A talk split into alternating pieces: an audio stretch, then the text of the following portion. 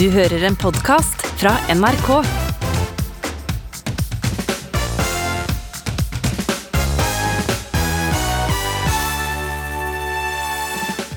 Om en time deles verdens mest prestisjetunge pris ut i Oslo. Og det er en pris som forteller verden at vi aksepterer ikke disse autoritære regimene som tror de kan oppføre seg som de vil.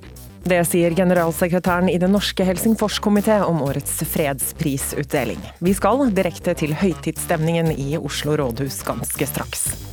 Brennpunkt har avslørt at seksuelle tjenester tilbys på massasjesalonger i hele landet. Dokumentaren bekymrer Kirkens Bymisjon. De mener den setter kvinnene som jobber der, i fare. Og så krangles det, som vanlig, om navnet på vegetarprodukter i butikken. Denne gangen er det julesylta som får kjeft og blir bedt om å skifte navn til pålegg. Vi kjører debatt med sylteagurk og sennep på sida. Riktig god lørdag. Du hører på Ukeslutt. Jeg heter Marte Kaasa Arntzen. Thaimassasje knyttes ofte til prostitusjon og hallikvirksomhet, og også menneskehandel. I to år har NRK Brennpunkt kartlagt massasjebransjen og de som jobber der, og i deres arbeid kom de over seks døtre som driver sammen med mødre. De selger også sex. Vi skal høre litt fra da Brennpunkt-journalist besøkte en salong med skjult kamera. Vi har gjort timeavtale litt senere med mor, og hun følger oss ut. Da kommer hun med et nytt tilbud. Hunden. Hun kan ta det? Ja. Ok. Ja. Sa samme pris? ja. Det er hennes egen datter. Hun har gått på norsk skole, men er oppvokst i salongen. Da hun fylte 18 år, fikk hun eget selskap som massør i lokalene til mor. Hun begynte å dukke opp på annonser. Først uskyldige bilder, så avkledd og utfordrende. I vårt arbeid har vi kommet over seks døtre som driver sammen med mødre. De selger også sex. Journalist Christian Skaar Lura, det var deg vi hørte i starten av klippet her.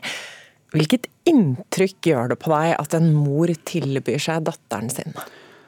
Nei, jeg må jo si at Den første reaksjonen var jo at eh, jeg ble veldig overrasket. For det var ikke dette vi gikk inn for å sjekke. Vi gikk inn for å se om det var mulig å få kjøpt seksuelle tjenester. Og så kommer dette helt sånn uprovosert frem, rett før jeg skal gå ut igjen. Eh, Så jeg ble helt sånn perpleks, og jeg kom ut igjen til mine kolleger og så sa jeg sånn eh, Jeg vet ikke om jeg hørte rett, men jeg tror faktisk hun tilbød meg eh, datteren sin. Og når det da begynte å synke inn, så må jeg si jeg ble ganske, ganske sjokkert, egentlig. Hva er det datteren sier når dere konfronterer begge to eh, i programmet? Nei, altså hun jo gir jo uttrykk for at selvfølgelig er det veldig ubehagelig at vi konfronterer dem, og, og at hun er voksen, tar sine egne valg. Sier at hun nå er 22 år, hun er ikke 16. Men så slår hun ut med armene og så sier hun sånn hva, hva skal jeg gjøre da? Hva skal jeg jobbe med? Og det, det var det. Eh, Da ville ikke de si mer, men, men eh, vi fikk jo en anelse, følelse av at dette var eh, en eh, veldig sånn, vanskelig ting de måtte gå gjennom. da. Og Folk som ser på tenker jo helt sikkert da, hva er det som gjør at man havner i en sånn livssituasjon? Hvilke tanker har du gjort deg rundt det? Ja, Vi har jo snakket med mange som kjenner dette miljøet godt. og Det, det er jo eh, Og vi har snakket med mange, mange thai-kvinner og andre. og det, de, det inntrykket vi sitter igjen med, er jo at det er et veldig lukka miljø. Eh, De er, i- mange av de en veldig sårbar situasjon. De har kommet her kanskje eh, som gift med nordmann, så har ekteskapet gått eh, over styr. De sitter igjen med, de kan ikke språket, og de sitter igjen med kanskje bare andre thai-kvinner som de kjenner, og søker sammen i egne miljø. Og Da er veien veldig kort til å, havne inn i en bransje som dette. da. For de trenger jo penger, og ikke, de har ikke så mange valg. Og Det er jo du som fysisk går inn og, og undersøker hva slags tilbud er de, de har. Hvordan var det? Nei, det var ganske ubehagelig. Men jeg liker ikke å lure noen. Men det var, jo, det var jo det vi gjorde. Vi så ikke så mange andre muligheter å få dokumentasjon på at det faktisk ble tilbudt uh, sex der inne. Vi, vi, uh, så vi gikk inn der med skjult kamera for å få det dokumentert. Um, og vi har brukt bare en liten brøkdel av alle opptakene vi gjorde. Men, men, det var viktig å få det dokumentert når du skal uh, fortelle seerne og leserne at, at det foregår prostitusjon, så må vi være sikre. Vi må, vi må kunne dokumentere det. Men det var ubehagelig. Det var det. Hvordan kan noe sånn som dette foregå? Det er et lukka miljø. De, det er veldig få som, som snakker om, med andre enn en innen sitt eget miljø. Det er veldig få som vil, kan bryte ut. Føler at de, de stoler ikke på norske myndigheter, de stoler ikke på politi. Eh, og, og, da blir det en sånn lukka boble som der eh, ting får få lov å og De får lov å operere som de har gjort i ganske mange år, uten at så veldig mange bryr seg. Og det er jo også sånn at Hver for seg er det kanskje en, en hallik, uh, liten hallikvirksomhet i en salong er en liten sak for politiet. Kanskje skal den samme, samme avdelingen i politiet håndtere veldig tunge overgrepssaker rettet mot barn, eller så, veldig alvorlige ting, og så må de nedprioritere denne typen saker. Og Det har jo politiet sagt over hele landet, at det er veldig vanskelig å få prioritert disse sakene. Vi i Ukeslutt har invitert justisministeren til å kommentere denne saken, men hun har takket nei. NRK Brennpunkt har altså kartlagt massasjemiljøet i Norge i nesten to år. De har fulgt med på 300 kvinner som reiser mellom 80 massasjesalonger i landet vårt. Og som vi hørte, mange av dem kom altså hit fordi de gifta seg med nordmenn, og så endte de opp i prostitusjon. Kirkens Bymisjon frykter nå økt stigmatisering og en farligere tilværelse for disse kvinnene. Vi har også med oss Kristine Moskvild Thorsen, du er avdelingsleder for migrasjon i Kirkens Bymisjon i Bergen. Du er altså med som kilde i dokumentaren, og ba om at programmet ble stansa. På hvilken måte mener du at denne Brennpunkt-dokumentaren kan gjøre det farligere for kvinnene som er med? Ehm, denne eh, reportasjen den viser jo eh, et eh, litt sånn dystert bilde det som er viktig for, eh, for, oss å si, er at eh, de, en del av de funnene som, eh, som, presenteres her, de er jo kjent for både oss som opererer i, i dette miljøet, og for andre aktører, inkludert politiet. Og, og selv om NRK mener her eh, at de har avdekket eh, omfattende prostitusjon og hallikvirksomhet, og har en sånn litt sånn sensasjons tar en sånn sensasjonell vinkling eh, på det, så, eh, så, ønsker vel vi å på en måte møte det litt med at dette er et bilde som til dels er ganske kjent allerede. Ehm, og Derfor har jo vi også ganske tidlig eh, vært ute og bedt om at denne reportasjen ikke blir vist. Fordi vi mener at dette vil eh, sette allerede sårbare personer, de som blir um... Men farligere for kvinnene, sier dere. Mm. Hvordan, hvordan blir det det? Hvis dette allerede er så kjent som du sier? Ja, altså det er jo kjent for de av oss som allerede jobber her. Nå er det kanskje også til dels kjent for mange andre. Eh, men den vil jo på en måte også være en slags reklame for personer som eh, er på jakt etter, eh, vil ønsker å kjøpe seksuelle tjenester. Og vi vet jo at i tidligere lignende saker som har vært i media, så har en sånn eksponering ført til at folk har blitt utsatt for større grad av press og trakassering eh, og voldelige kunde, kunder osv. Den andre inngangen til det spørsmålet er jo at ved å henge ut en hel bransje på denne måten, så kan man jo på en måte forvente at flere eh, vil eh, flytte virksomheten sin til arenaer som er mindre tilgjengelige. Vi har jo allerede sett i denne reportasjen at at det er vanskelig å komme til for de av eh, som ønsker å hjelpe eller å bidra på en eller annen måte. Og Det vi kan se for oss da, er at det blir enda vanskeligere å, å komme inn på denne arenaen, og kanskje avdekke nettopp de tilfellene som eh, er virkelige alvorlige, eh, f.eks. i tilfeller om menneskehandel osv. Vi må få med Egil Sundvår også, du er redaktør for dokumentar- og samfunnsavdelingen her i NRK. Hva sier du til kritikken fra Thorsen? Nei, jeg tenker at uh, det er uh, fint at en tar opp eh, tema.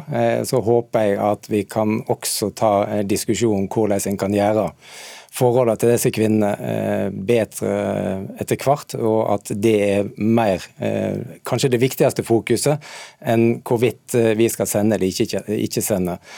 Jeg syns det er litt naivt å si at dette er kjent, og dermed vil det virke stigmatiserende at vi forteller denne historien ut. Eh, det er jo helt tydelig at eh, selv om dette er kjent i eh, enkelte miljø, som Kirkens Bymisjon, så har det iallfall ikke skjedd spesielt mye for disse kvinnene.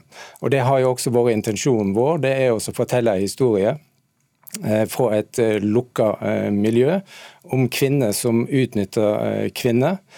Eh, der eh, det er svært sårbare kvinner som har få andre muligheter til å komme seg ut av eh, enten sexsalg eller prostitusjon.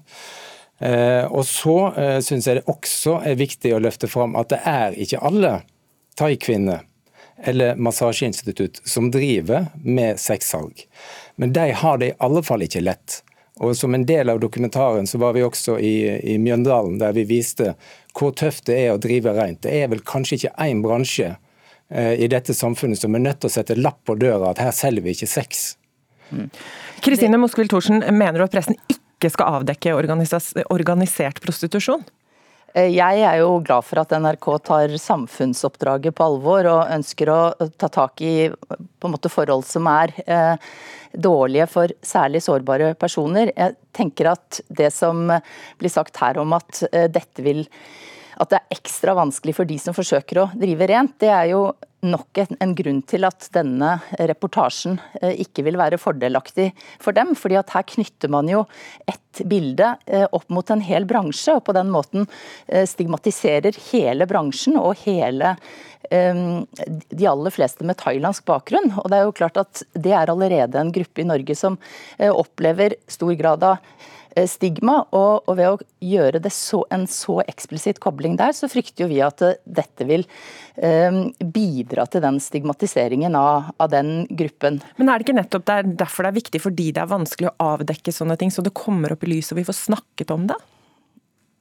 Eh, vi er jo veldig eh, glad for at det skal snakkes om eh, de årsakene til at folk kommer i vanskelige livssituasjoner. Og I dette tilfellet er det jo snakk om kvinner med en helt spesifikk migrasjonsbakgrunn. Og, og mange av disse som har blitt sagt tidligere, de kommer hit på familiegjenforening og har vært gift med norske menn.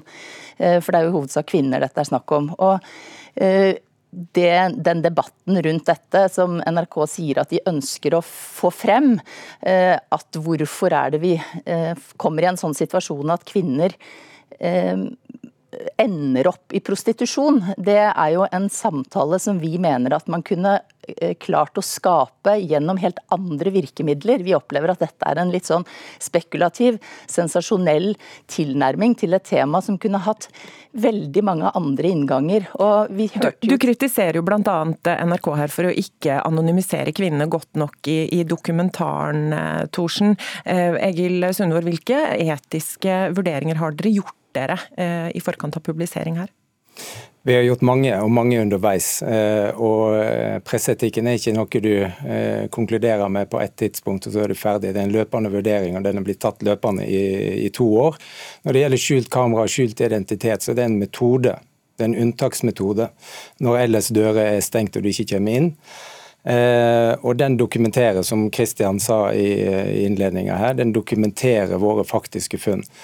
Eh, så går det over til hva for historie er det vi skal fortelle. Hvordan skal vi klare å formidle denne historien ut. Og Da kommer det nye presseetiske vurderinger. Hva er det vi tar med oss inn? Hvordan skal vi fortelle denne historien? Hvordan skal vi klare balansen mellom å fortelle det som faktisk skjer, og skåne de som vi har snakka med på best mulig vis. Så det vi har gjort, eh, og Her kommer vi jo aldri til å bli enige med Kirkens Bymisjon, men vi har to forskjellige oppdrag. Det vi har gjort, er å uh, sladde ut uh, mennesker, sånn at vi ikke kjenner igjen identiteten. At de kan bli gjenkjent på gata. Vi har også vridd på stemmene, sånn at ikke det er en identifiserende faktor. Så har vi tatt vekk telefonnummer på, på veggene, sånn at vi, de skal slippe så langt mulig eh, ubehagelige telefoner. Men noe identifiserende er det jo. Vi er i en by, vi er i Bergen. Dette vil jeg gjerne svare på, fordi at eh, den, eh, den, eh, identifikasjonsprosessen den er ikke blitt gjort godt nok. Og Det mener jo jeg er en av de tingene som dere enkelt kunne Om vi ikke var enige om tilnærmingen til problemstillingen, så kunne man i alle fall ha gjort en bedre jobb når det gjaldt å, um, å beskytte identiteten til disse kvinnene. Dere sier at dere har sladdet eh, ansikter og sånt, det har dere. Men det er jo helt åpne firmanavn, gatene er helt gjenkjennbare. Eh, her jobber det to-tre personer på flere av disse stedene. Når du da ser to personer og, snakker med begge, så forstår du hvem de er. Eh, for folk som vi har snakket med den uken nå etter filmen ble vist, så er dette utrolig vanskelig. Flere av de sier at eh, de nesten ikke orker å møte dagen. Det oppleves veldig eh, vanskelig å, å være vist på TV eh, i en dokumentar som mange av de heller ikke opplevde at de forsto hva skulle handle om underveis i prosessen. Og Det er en, et av våre andre ankepunkter, at den tilnærmingen, den forklaringen som ble gitt når personer stilte opp til eh, intervjuene, den har vært uklar. Den har ikke blitt formidlet på en måte som har, gjør at de forstår hvilken kontekst det skal inn i. Og mange kommer nå til oss og ber om hjelp til å forstå hva handler egentlig dette om. Vi, vi ser at vi er med i en dokumentar nå, og vi opplever at vi Hva, hva handler dette om? Og der mener jeg også Du skal få svare kort på det til slutt, Egil Sundvold, for vår tid er snart ute her i Ukeslutt. Nei, men eh, jeg har forståelse for Kirkens Bymisjon kjenner miljøet, og de kjenner det tett. Så har vi gjort eh, de aller beste anstrengelser for å klare denne balansen, og mener at vi har klart den. Og så aksepterer og respekterer jeg selvsagt at Kirkens Bymisjon har et annet syn på det. Så håper jeg at vi kan komme over til en debatt som handler om hvordan går vi da videre for å gjøre dette bedre for disse kvinnene. Den debatten får eh, vi ta et annet sted. Tusen takk for at dere kom til ukeslutt i dag. Kristine Moskvil Thorsen, avdelingsleder for migrasjon i Kirkens Bymisjon i Bergen, og Egil Sundvold, redaktør for dokumentar- og samfunnsavdelingen her i NRK. Det er første jul etter pandemien, og nå skal det bli perfekt, ikke sant? Det skal bli hyggelig samvær med familien, det skal bli nydelig mat i gulne reint og pynta hjem. Men for noen så er jo det å forberede og gjennomføre jul alt annet enn harmonisk. Reporter Kari Li har tatt en kikk på noen av utfordringene. Hvis han feirer jul med mamma, så må dra til pappa dagen etter, da. Og da, ringer, og da er mamma sånn Å, skal du være med din far på første jul, da? Og så, så sier jeg ja, men jeg var med deg i går, mamma. Ja, men første jul da er jo også en stor dag, ikke sant? Og så eh, hvis ikke jeg gjør det, så sier pappa å, skal du ikke være med på første juledag en gang? Å, du var jo ikke med på julaften heller. Steinar Suvatne er 35 år og politisk journalist i Dagbladet. Men i jula er han først og fremst et skilsmissebarn som alle vil ha besøk av. Kom innom en tur, vi må levere pakker. Du skal ikke feire med oss, men du kan vel komme innom og ta en kaffe på julaften først, da? Som jeg har tid til det. Tror du jeg har tid til det på julaften? Julaften går så fort. Skulle være liksom på et sted klokka fem, og maten står på bordet fem. ikke sant? Sånne ting. Jeg er sånn, faen, jeg er hjemme i tre dager. Jeg har lyst til å liksom få litt ut av det sjøl, da. Men sånn er det, får jeg jo aldri. Merker det er mye innebygd aggresjon her. ja, det er en del å irritere seg over. Som det at ganske mange har en plan om å kose seg med gløgg og julefilmer, men ender med stress, mas og kjøpesenter i stedet. Hver eneste gang. Er det noe ved jul som eh, frustrerer deg? Pengegavejag og pengemas og sånn. Det er mye, mye handling og mye forventer. Mye bruk av mye penger. Jeg går hjemme og har pappapermisjon. Jeg gleder meg som juling. og allerede pynta juletre og alt som er, og storkoser meg. Vi har en avtale om to minutter. Ja, men altså, jeg skal bare spørre. Er det noe ved jul som dere syns er frustrerende? Gaver. Vi er blitt så opptatt av gaver. Hver gang så tenker vi så orker vi dette mer, men så går det noen timer, så er vi klar, klar til ny dyst.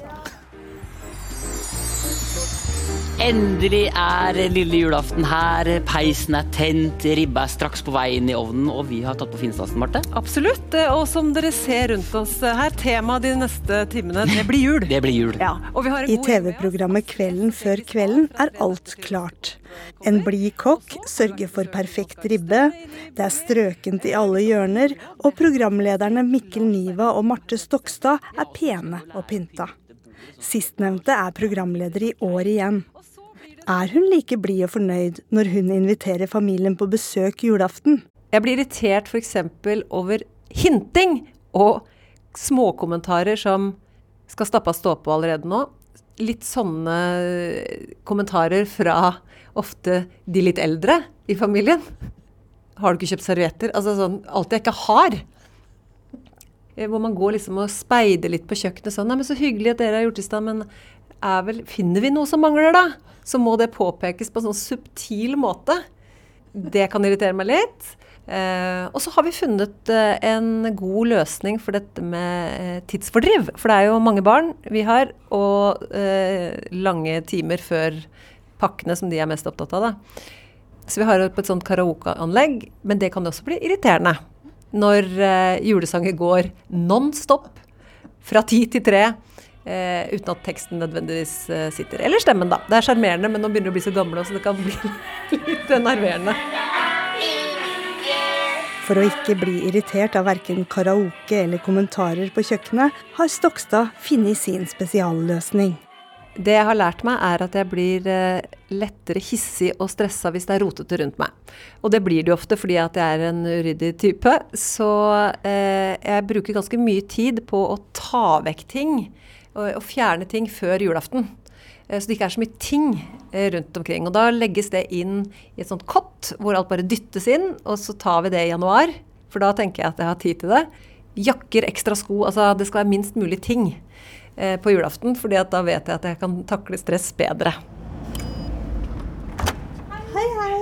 Jeg tenker at det der stresset gjør oss jo litt irritable. Stress sammen med forventning om at nå skal vi ha det veldig, veldig hyggelig. Og det skal liksom litt være som den jula vi hadde da vi var fem år, da, hvis den var god.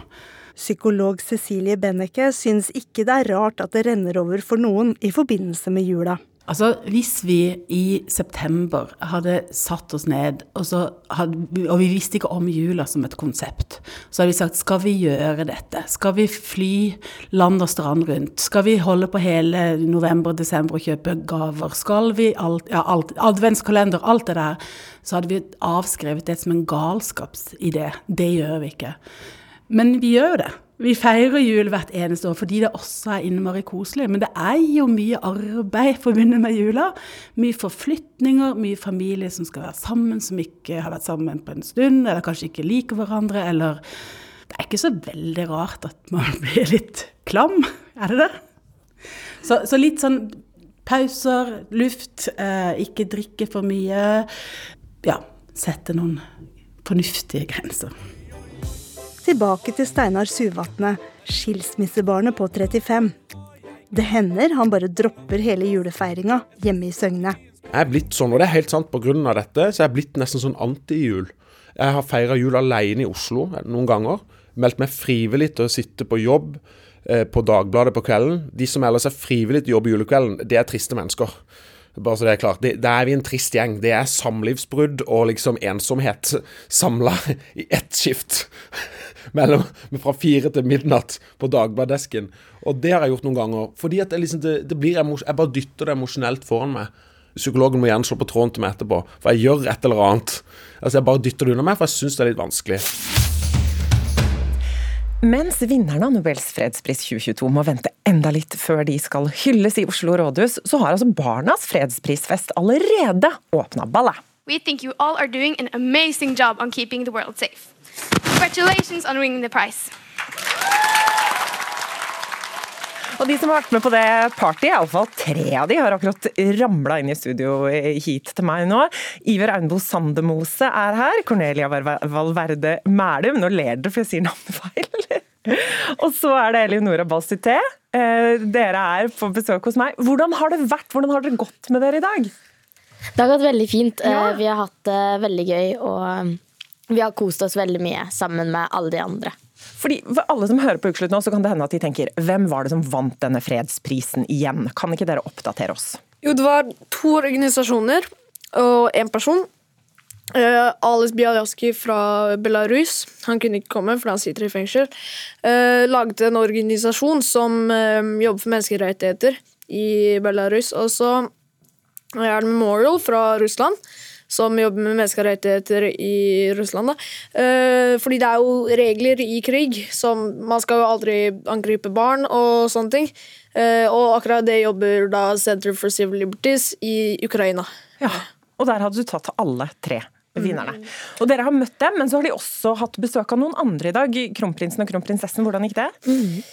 Jo, det gikk bra. Jeg skulle jo følge dem inn. Jeg fulgte dem fulgte dem inn til bygningen, da. Og så skulle jeg følge dem opp på scenen. Men uh, jeg, jeg skjønte ikke helt hva jeg skulle, så jeg bare ble stille. Så de gikk helt selv alene opp. Og du hadde glemt det, eller? Jeg glemte det helt. Ja. Hva var det du egentlig skulle si, da? Jeg, jeg skulle bare leie dem opp på scenen, men det gjorde jeg. Jeg glemte det helt. Åh, hva tenkte dere når dere så at Iver ble litt stressa der? Jeg, jeg syns det er litt morsomt. det gikk bra, regner jeg med? da? Jo da, det gikk bra. Fikk litt kjeft, men det gikk bra. Fikk du kjeft? Hvem fikk du kjeft da? Av, uh, av lederen, men det, det, gikk bra. Det gikk bra. Ja. Mm. Du, um, Hvordan har dere jobba med dette arrangementet? For dere har forberedt dere en stund nå. Ja, vi har jo brukt nesten to måneder da, på masse møter og masse, liksom, masse research og mye videoer og manus. Så vi har brukt veldig lang tid, så det er veldig kult å se at showet vårt ble veldig bra. Ja, dere er fornøyde? Veldig stolt. Ja, vi har jo en låt eh, som dere har fått lagd et helt spesielt arrangement til, som ble spilt av på fredsprisfesten deres litt tidlig i dag. Nå tenkte jeg at dere kunne få avslutte karrieren som Barnas fredsprisarrangører med å introdusere den her i Ukeslutt. Er dere klare for det, eller? Ja. ja. ja kjør på. Her kommer paff.no av Karpe.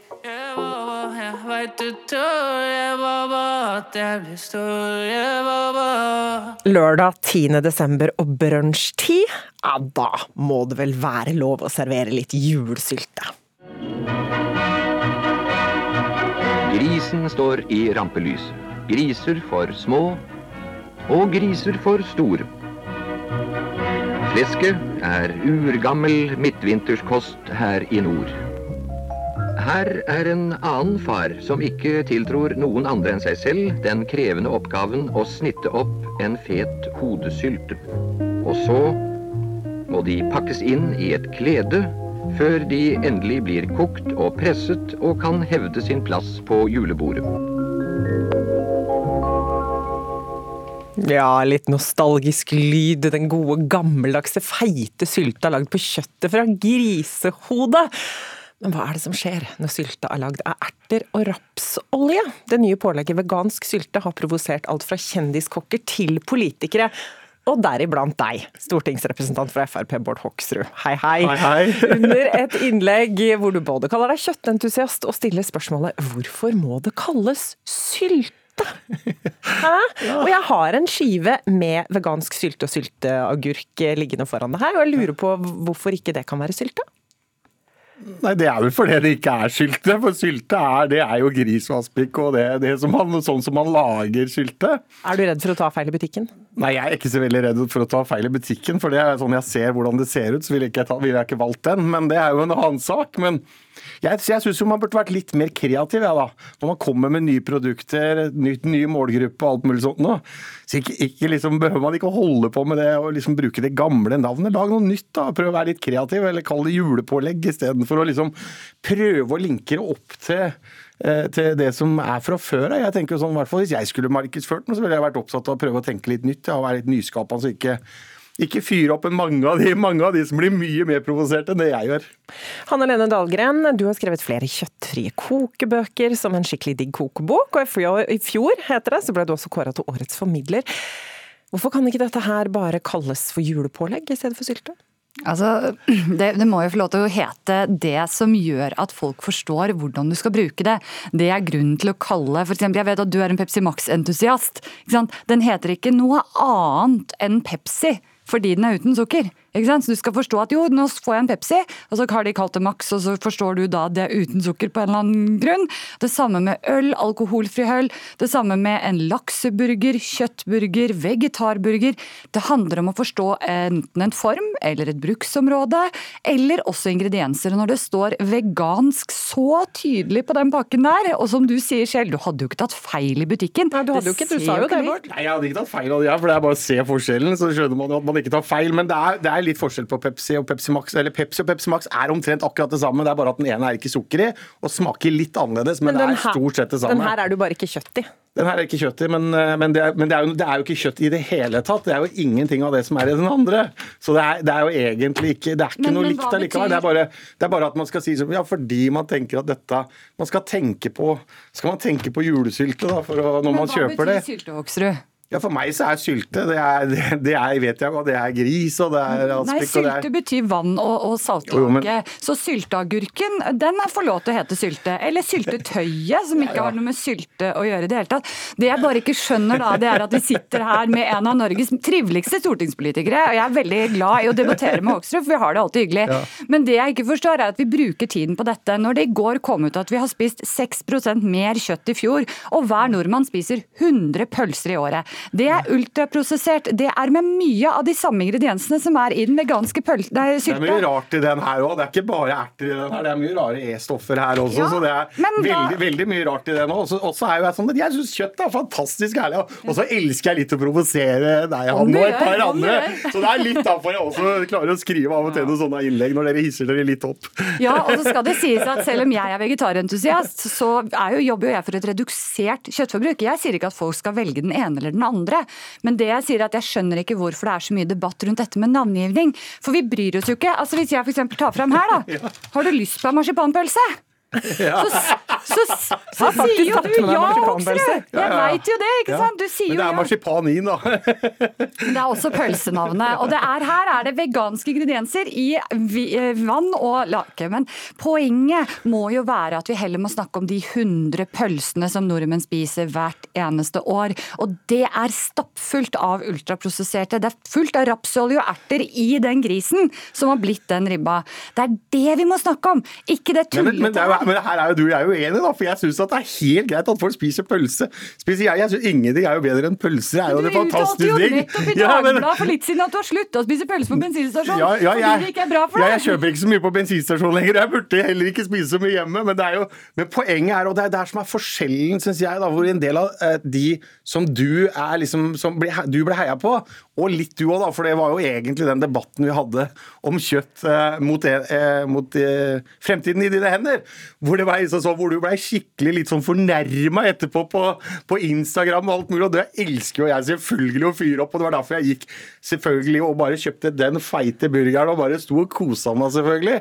For å provosere og for å få masse sinna folk som, eh, som liksom ikke liker at vi spiser kjøtt. Vi har ikke noe burger her nå, men vi Nei. har nå denne sylta på en tallerken foran dere begge to. Da. Kan dere, nå kan dere løfte av serviettene dere har fått, og så kan dere se på hvordan det ser ut. Du har fått eh, to alternativer her, eh, Bård Hoksrud. Og du har jo lovt å smake i dette innlegget ditt. Kan du ta en bit nå av den veganske sylta? Skal jeg ta den veganske? Ja, det syns jeg. Jeg syns at, eh, at den er litt lite smaken. Den smaker liksom ikke sånn som jeg kjenner sylte. Altså, kan det være også fordi man burde hatt på litt eh, Jeg pleier i hvert fall alltid å ha sennep på. Litt sterk sennep, grov sennep. Så det kan jo være At det er sennepens skyld, ja. at det er sennepens skal få skylda her. Men, men jeg syns den smaker litt lite i forhold til vanlig sylte. Bare for å si det, så kan det hende at den sennepen hadde vært vegansk også. Men eh, eh, jeg er helt enig. Jeg syns det smakte veldig lite. Nå er det vel en åtte år siden jeg spiste en vanlig sylte for sist gang, men eh, den hadde trengt absolutt mer krydder. Og jeg syns det er mye annet vi heller kan ha på brødskiva enn begge de to påleggene som ligger her på bordet. Terningkasta fra begge to. Hanne Lene Dahlgren først. Hva gir du denne veganske julesylta? Eh, På innsats eh, og på pressedekning så får den terningkast seks. Eh, På smak så får den en treer. Hva med deg, Bård Hoksrud? Jeg er jo alltid, alltid positiv, Altså, så jeg vil liksom kanskje gi den en treer, men jeg mener jo den normale, vanlige, den er nok en mer enn femmer mot sekser. Og det, det fins jo varianter av den også som er kanskje enda bedre enn den her.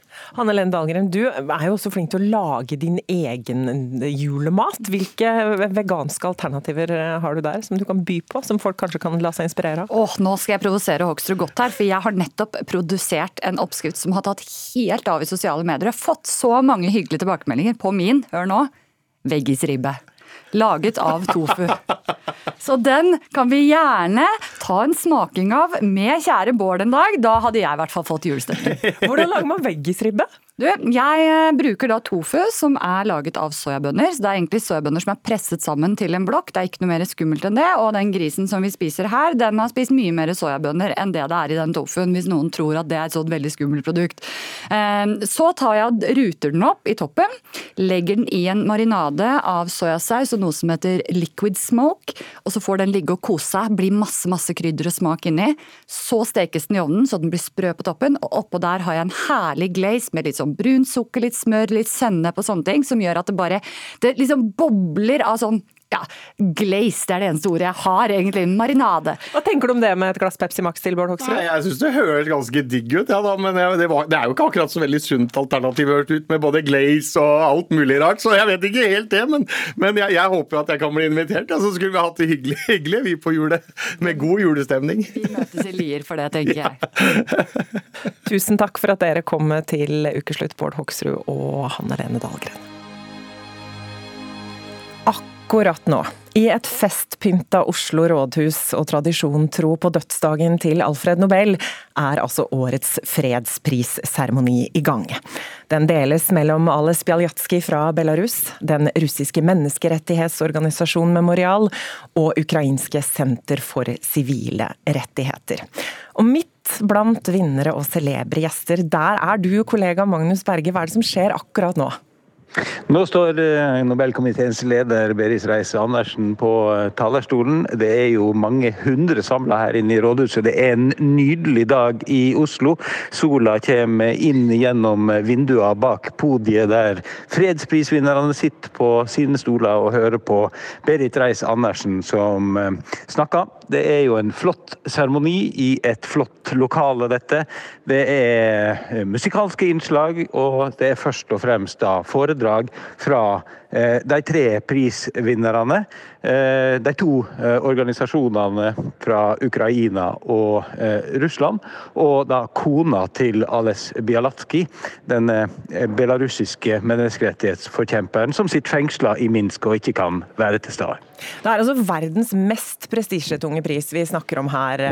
Minn oss hvorfor akkurat disse tre mottar den i år. Jeg tror nok det har vært et hovedpoeng for eh, Nobelkomiteen denne gangen å adressere det faktum at det er en storkrig i Europa, krigen i Ukraina. Eh, den er, oppleves veldig dramatisk, veldig tett på, eh, og den har globale konsekvenser.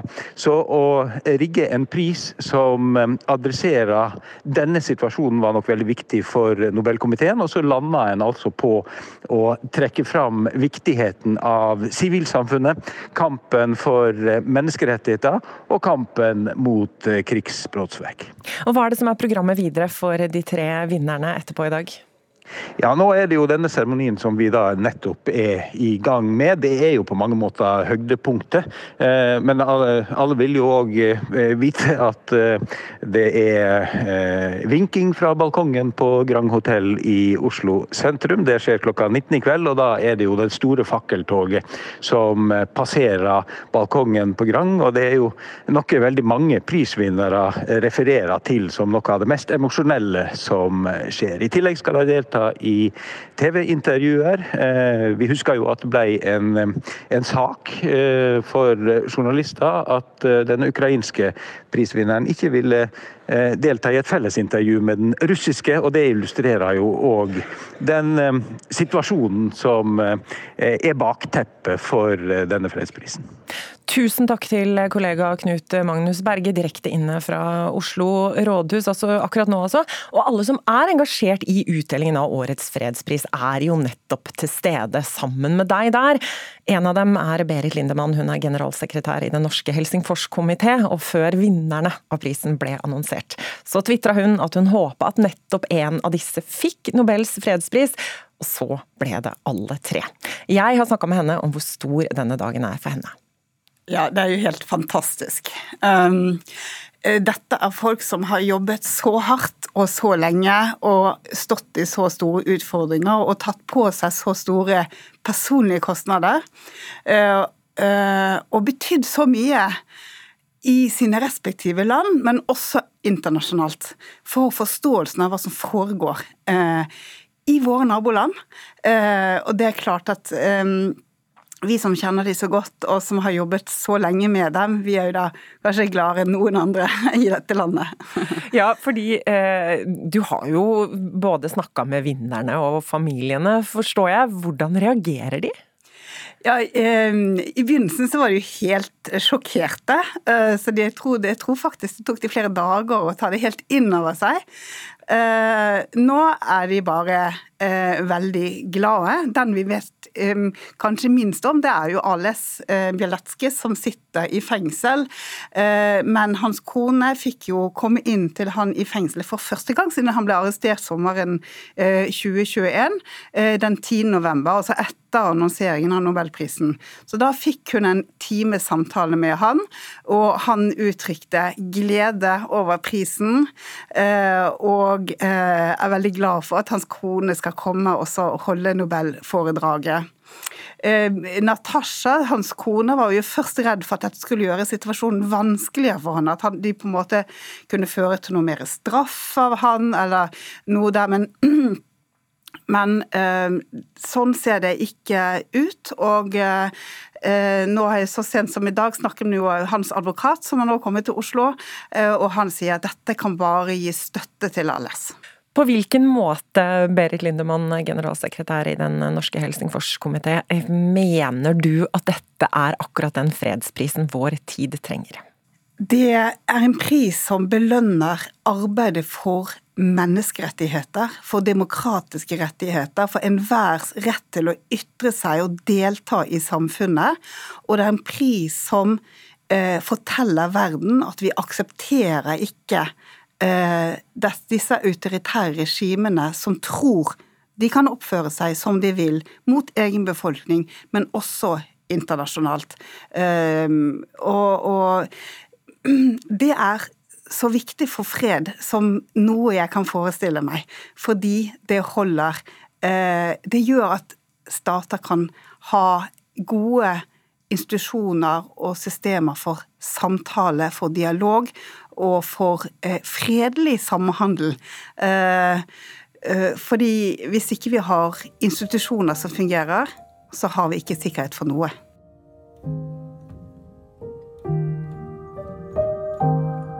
Vi skal høre fra noen gode hjelpere som inspirerer i en førjulstid der mange sliter økonomisk. 16 år gamle Karianne Moen Pedersen har stått i timevis ved panteautomaten og samla inn 130 000 kroner.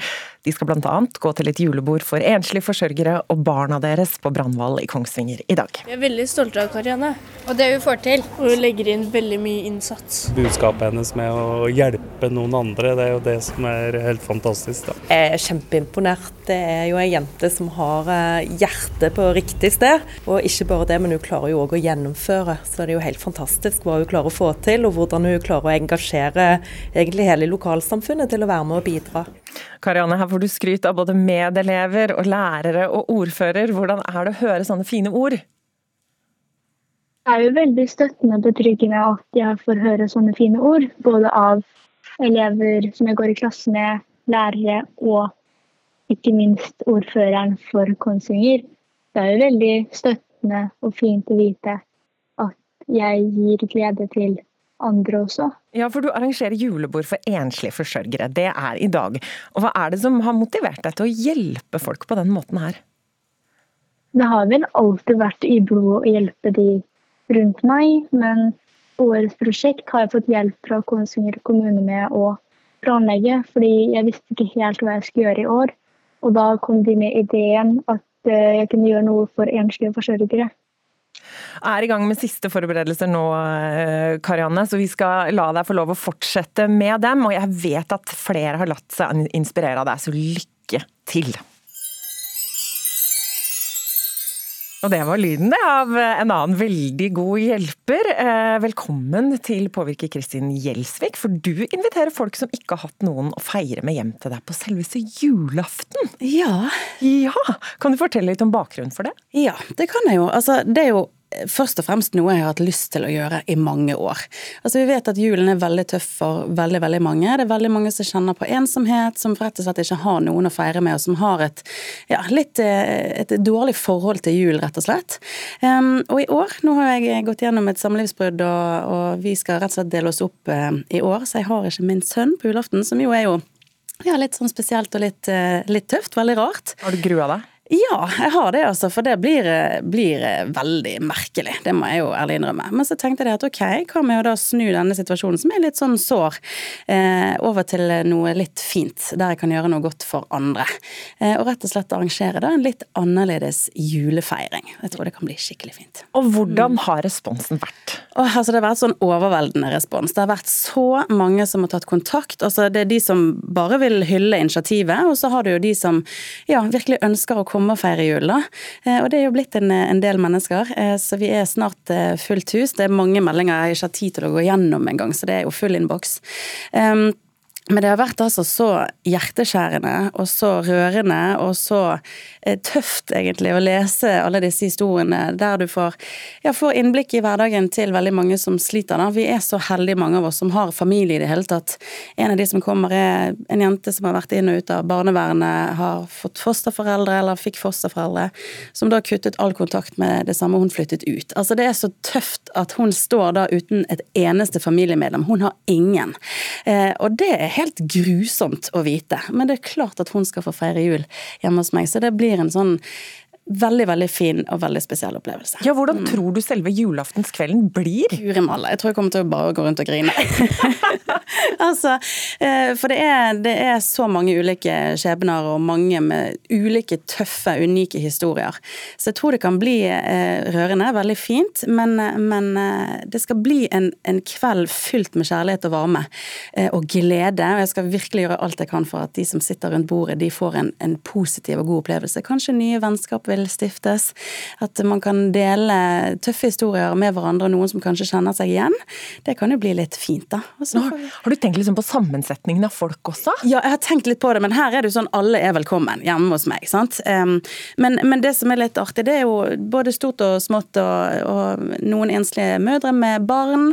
Eh, noen eh, gutter i, altså like gamle sant? barn, da. Så det kan bli en, en julaften med både store og små, og det er jo det julen handler om. Så jeg håper jo òg at noen som kanskje kan spille piano. Jeg har mormor sitt piano som er arvet som står der, så kanskje det blir noen julesanger på piano, så får vi gå rundt juletreet. Og julegaver og julemat og julekos. Det skal bare være varme og glede og trygghet og kjærlighet. Det er 14 dager igjen nå, Kristin Gjelsvik. Gruer du, deg, gruer du deg litt mindre?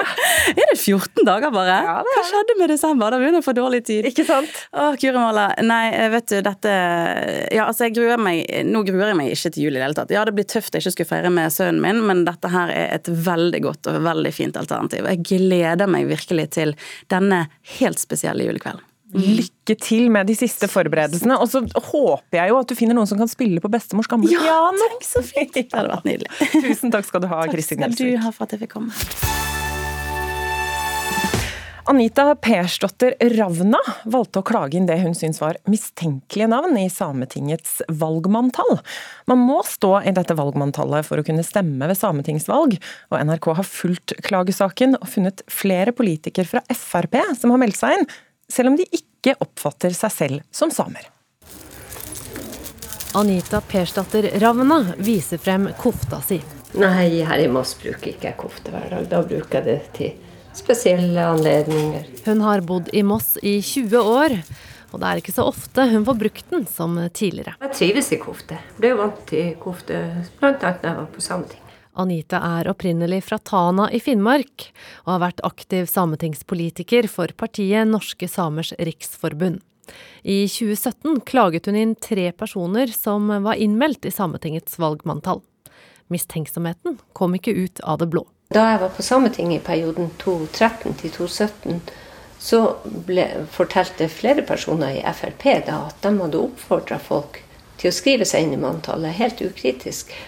Og, og, eh, at det var så dårlig kontroll at alle kunne liksom bli ført opp i manntallet. De som vil søke seg inn i valgmanntallet, må krysse av på et skjema at de bl.a. oppfatter seg selv som same, og dokumentere at de har minst én oldeforelder som har snakket samisk hjemme. Den tidligere vararepresentanten for Frp på Stortinget, Bente Øyan Sveum, er en av dem Anita klaget inn. Det var en kollega på partikontoret som spurte om hun ville stille til valg. Og da sa jeg jeg har jo aner nordfra, sa jeg, så jeg kan godt prøve å stille på lista, jeg. Ja, og da mente han at det var et godt forslag, og jeg sendte inn søknad om å få bli same, og det fikk jeg. Er du same? Nei. Ja, jeg er jo same nå ifølge papiret, da. Men jeg føler meg jo ikke som noe same, det kan jeg si at jeg gjør. NRKs undersøkelser av FrPs valglister i de to sørligste valgkretsene i Norge viser at Bente ikke er den eneste som har løyet om sin samiske identitet. I Surnadal i Møre og Romsdal har Nils Petter Tonning stilt til valg for partiet. Ja, jeg fikk jeg fikk en telefon eh, om å stå på liste. Det var det eneste jeg kan, eh, jeg kan eh, komme med. Jeg har ikke hørt noe verken fra eller etter det. da. Det var bare å stå der på lista om jeg ville, for de hadde få å spørre her i Møre og Romsdal. Så det var årsaken til det. Tonning har stått i Sametingets valgmanntall og stilt til valg for partiet sitt ved de to siste sametingsvalgene, uten at han oppfatter seg som same. Nei, det gjør jeg ikke. Det er langt derifra. Du har fått med deg til bord i Møre og Romsdal, og jeg er ikke same og ikke kommer til å bli det heller. Sametinget ble opprettet for å gi samiske interesser en tydelig stemme i den norske offentligheten. Men Frp ønsker å legge ned dette parlamentet.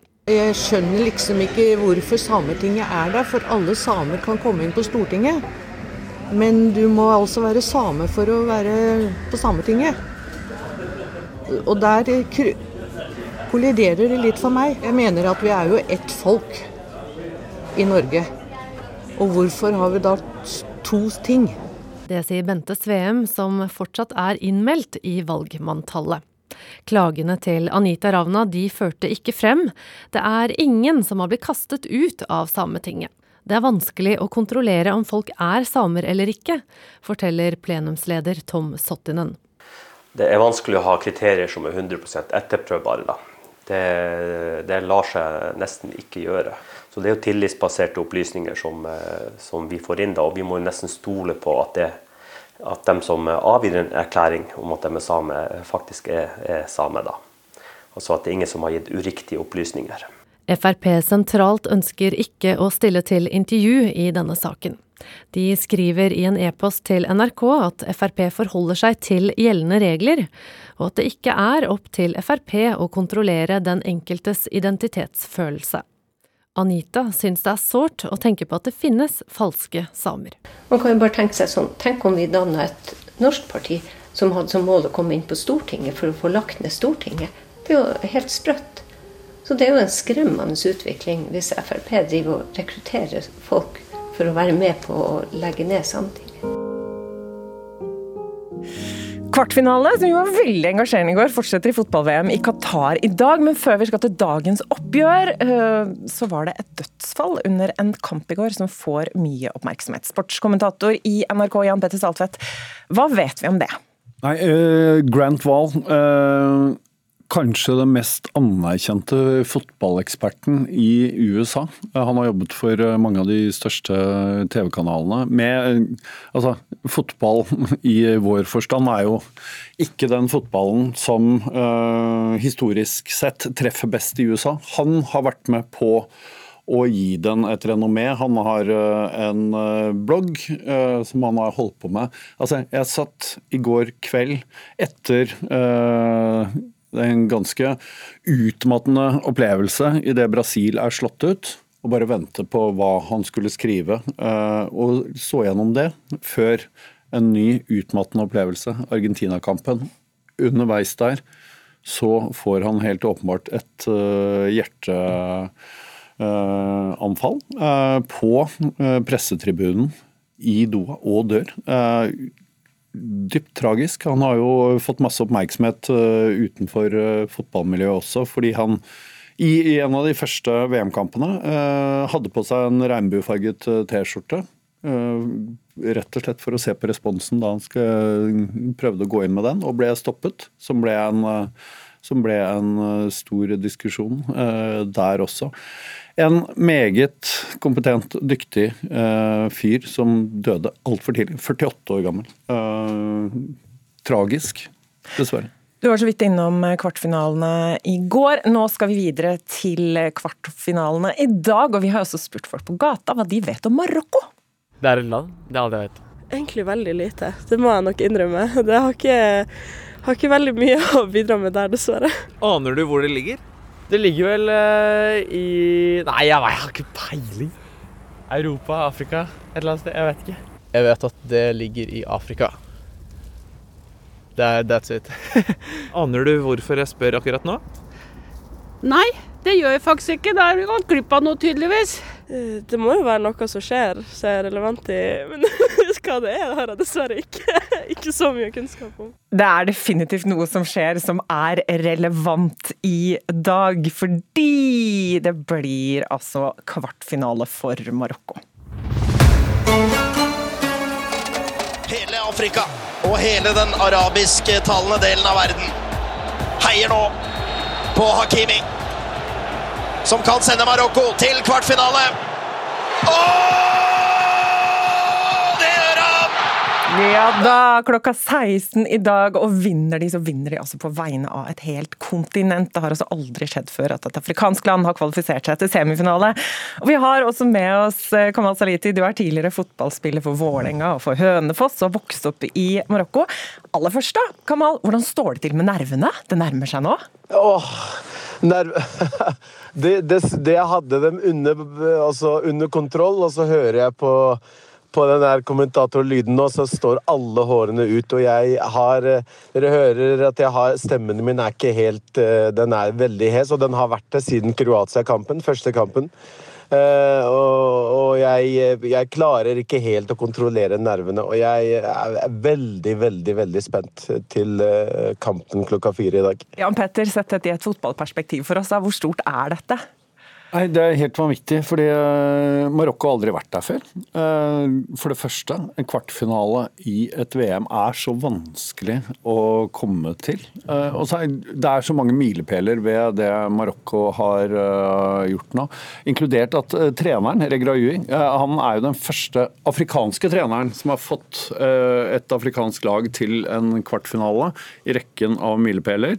Og så, og dette er til alle lytterne, jeg så de videoene Kamal la ut etter mens han feiret seieren i åttedelsfinalen. Så jeg anbefaler alle å gå inn og følge ham på det som er av sosiale medier utover kvelden. Hvis han får start på den elbilen sin og kommer seg nedover fra Lillehammer i tide. Du må beskrive litt, Kamal. Hvordan var det? Uh, og uh, da ja, Vi har nok ikke, ikke, så mye tid hvis jeg skal skri, beskrive alt, men det var, det var helt, helt uh, ufattelig. Det er veldig vanskelig å beskrive, fordi det var også en sånn berg-og-dal-bane av følelser gjennom hele kampen.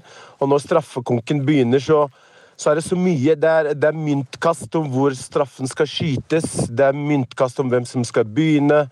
Uh, og så føler jeg at vi tapte først hvor den skulle skytes, og så vant vi ved å, skyte først. Og så var det jubel, og så var jeg sammen med folk som ikke helt skjønner alt med fotball. At det er fem straffer på hvert lag. Noen trodde vi hadde vunnet bare ved å skåre den første straffa. Så det var Så når, når uh, Jeg kaller det straffen fra evigheten når Hakimi går foran. For, for meg så har jo ikke den ballen gått i mål ennå. Den er fortsatt på vei inn, selv om jeg veit at ballen kommer til å gå inn. Så er jo den fortsatt ikke inn i mål, for det var også så eh, ja, man, man var så redd for at det ikke skulle gå, da. Eh, og allikevel så gikk det. Og ikke minst at det var Spania som var på andre siden av banen. Det, det, det gjorde at det var Så Så den totale opplevelsen var jo helt, helt vill. Men du, Hvordan tror du det kommer til å se ut i marokkanske gater i kveld, Kamal? Åh, jeg har snakka med mamma, som er i Marokko. og det er, eh, altså, Før Spania-kampen så var det fire timer før, så var jo samtlige shoppingsentre, kafeer, eh, restauranter de, De var stappfulle. For eh, folk i Marokko ser jo kampen sammen. Det er ytterst få som sitter hjemme og ser fotballkamp. Det er, det er besteforeldre, det er eh, koner, det er barn, barnebarn. De er nå Og nå er det enda verre, hvis man skal si det sånn i dag. For i dag så er man i hvert fall redd for å ikke få med seg kampen. Ja, og så det er altså klokka fire ja. Unnskyld, Kamal Saliti. Det er altså Nei, klokka, nei, nei. klokka fire fire. mot Portugal. Har de noen sjanse til å vinne der, Jan Petter Saltvedt? Abs absolutt. Ja. Eh, Jeg, jeg hørte ikke hva du sa nå, Kamal. Sa du at det var sjanse? jeg, jeg håper. Jeg tror det. ja, nei, jeg, jeg, tror faktisk det er helt reelt. Kamal, eh, altså, Mar Marokko har et veldig bra Og de har en lagenhet, og de har en tro på det de holder på med på et eh, nivå. Og, og, altså, nå viste jo kvartfinalen i går også. Ingenting kan eh, kan skrives ned i forkant. Og eh, Marokko kommer til å gå til eh, semifinale, og det er ingen vits i å ringe verken Kamal Saliti eller noen som helst eh, andre tidlig i morgen. Og Det er av den type opplevelser som VM trenger. og av de typer lag som vi virkelig skal holde med. Det er klokka fire. Ja, den, den uh, oppfordringen der lar vi bare stå, tenker jeg. Tusen takk til Jan Petter Statvedt, uh, sportskommentator her i NRK. Og lykke til, da, Kamal Saliti! Jeg skal heie. Tusen hjertelig takk. Tusen takk. Og ikke siden Askeladden kapp åt med trollet har vi altså vært så opptatt av jutuller, riser og bergfolk. bergfolk. Det er bare sånn andre eventyrnavn for troll. Det kan vi nemlig takke den norske Netflix-suksessen Troll for. Før vi dukker ned i det store trollets renessanse. Hva veit egentlig folk om de gamle, slemme og dumme skapningene? Reporter Knut Øyvind Hagen han har tatt turen ut på gata. Hvordan ser et troll ut? Beskriv det for meg. Det er eh, stort og stygt og grått og lukter vondt og lagd av stein, kanskje. Kommer, ser litt ut som et fjell. Har stygge tenner og lite hode. Ellers så vokste jo jeg opp i en tid hvor man hadde lykketroll. Så, og de hadde vi jo på pulten på skolen. Med masse hår og sto rett til værs og var snille. Så du har et kjærlighetsforhold til troll, du? Ja, i hvert fall for de som er lykketroll, da. Og hva vet du om troll? Veldig lite. Bortsett fra at jeg har hatt noen trollunger selv. Og hva hadde du gjort hvis du møtte på et troll? Hmm, da hadde jeg blitt ganske paralysert, tror jeg. Du hadde blitt redd? Veldig redd. Man vet aldri hva man møter i marka. Jeg hadde løpt og skreket. Det hadde jeg gjort.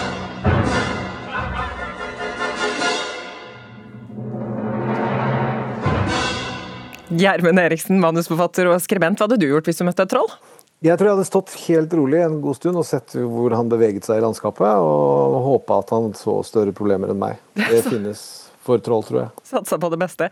Du, Hva er det med disse trollkarakterene som gjør at de egner seg så innmari godt på film og skaper så stor suksess? Ja, Det er jo fordi de er farlige. Altså, Fortellinger trenger spenningsdrivende motstand. Og det er klart, Troll har blitt testa i et par århundre på hvordan skremme barn, unge og voksne. Eh, Så Det er jo det ene. Det andre er at det er en unik naturopplevelse, ofte knytta til deres omgivelser. Der man får eh, Godzillaer gående opp av japanske hav. eh, Så er det å komme i et norsklignende naturlandskap, tror jeg, er veldig eh, unikt for denne type fortellinger. Og så er det jo det at det er spektakulært og ikke litt utenfor den amerikanske mainstreaminga av de fleste urfortellinger. Så ble dette ganske norskt og fint. Ja, og akkurat dette er jo fryktelig gode nyheter for dere i Visit Norway. Kristine Baglo, du er redaktør der. Eh, Hva er deres mest besøkte nettside? Vi kan jo begynne med det. Ja, Det er jo nettsiden artikkelen vår om troll som fikk rett til topps på listene våre etter allerede første helgen denne fantastiske trollfilmen kom ut. Ja, og Hvorfor det, tror du? Altså, Hva er det som gjør disse trollene på nettsiden deres så populære? Men det er jo dette med at det er liksom Alle som har vært ute og gått tur i naturen, vet jo, eh, særlig når det begynner å bli litt mørkt og sånn, så, så vet du jo det er noe der ute. Og ikke minst så finnes det jo bevis overalt hvor du går ute i den norske naturen på at de fins. Jeg har selv masse bilder, dokumentert masse småtroll, og noen skikkelig store, fæle, som jeg har funnet både i Lofoten og Jotunheimen og ute på Runde. Så, og det tror jeg folk vet i hele verden. De, de, merker at det er noe der. Og det er jo disse mytiske skapningene som befinner seg et sted ute i naturen. Liksom Blanding av natur og menneske. Og så er de sånn nifst fascinerende. Høres ut som du tror litt på troll, Kristine Baglo? Selvfølgelig. Eh, Gjermund Eriksen, eh, du må si litt om dimensjonene her. For denne eh, Netflix-filmen 'Troll' den har altså hatt seerrekord for en ikke-engelskspråklig film. Hvor stort er det? Da blir den raskt en av Norges mest sette filmer i utlandet noensinne. Det er jo, Netflix investerer fantastisk mye penger i å klare å bergta folk ukentlig. Eh, og de, jeg så noen eh, målinger at det var 75 millioner timer som har blitt brukt på filmen. Og hvis man tenker at det er 90 minutter, så er det et eller annet sted mellom 20-30 millioner mennesker som ser det den første uka det er tall som de fleste av oss som driver med fortelling, bare kan drømme om at kan skje i løpet av et helt liv. Og her får de det første uka. Så vi ser hva varigheten er gjennom jula. Jeg tror jo at eh, den kommer til å stå seg godt når året oppsummeres. Ja, og Da er det kanskje på sin plass å friske disse trollkunnskapene opp litt, eh, Kristine Baglo i Visit Norway. Du har jo noen fun facts på, på nettsidene deres også. Kan du gi oss tre av de?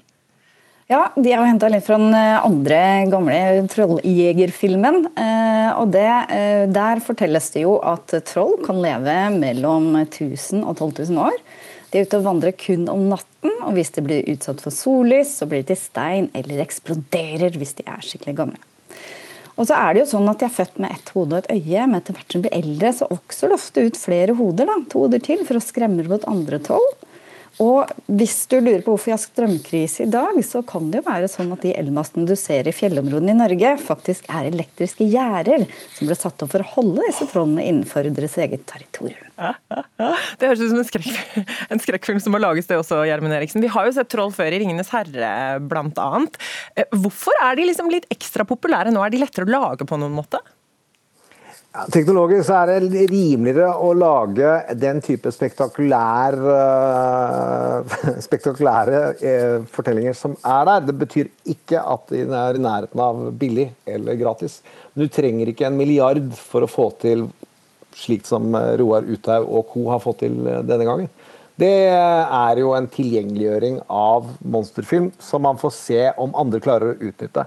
Men når du gjør det, så konkurrerer du allikevel med filmen til 1 milliard. Og det er det som gjør det så imponerende, at de klarer å stå seg mot Marvel og Disneys hyperinvesteringer i superhelt- og fantasy-universer. Eh, det er det som eh, fortsatt er viktigst, at fortellingen bærer.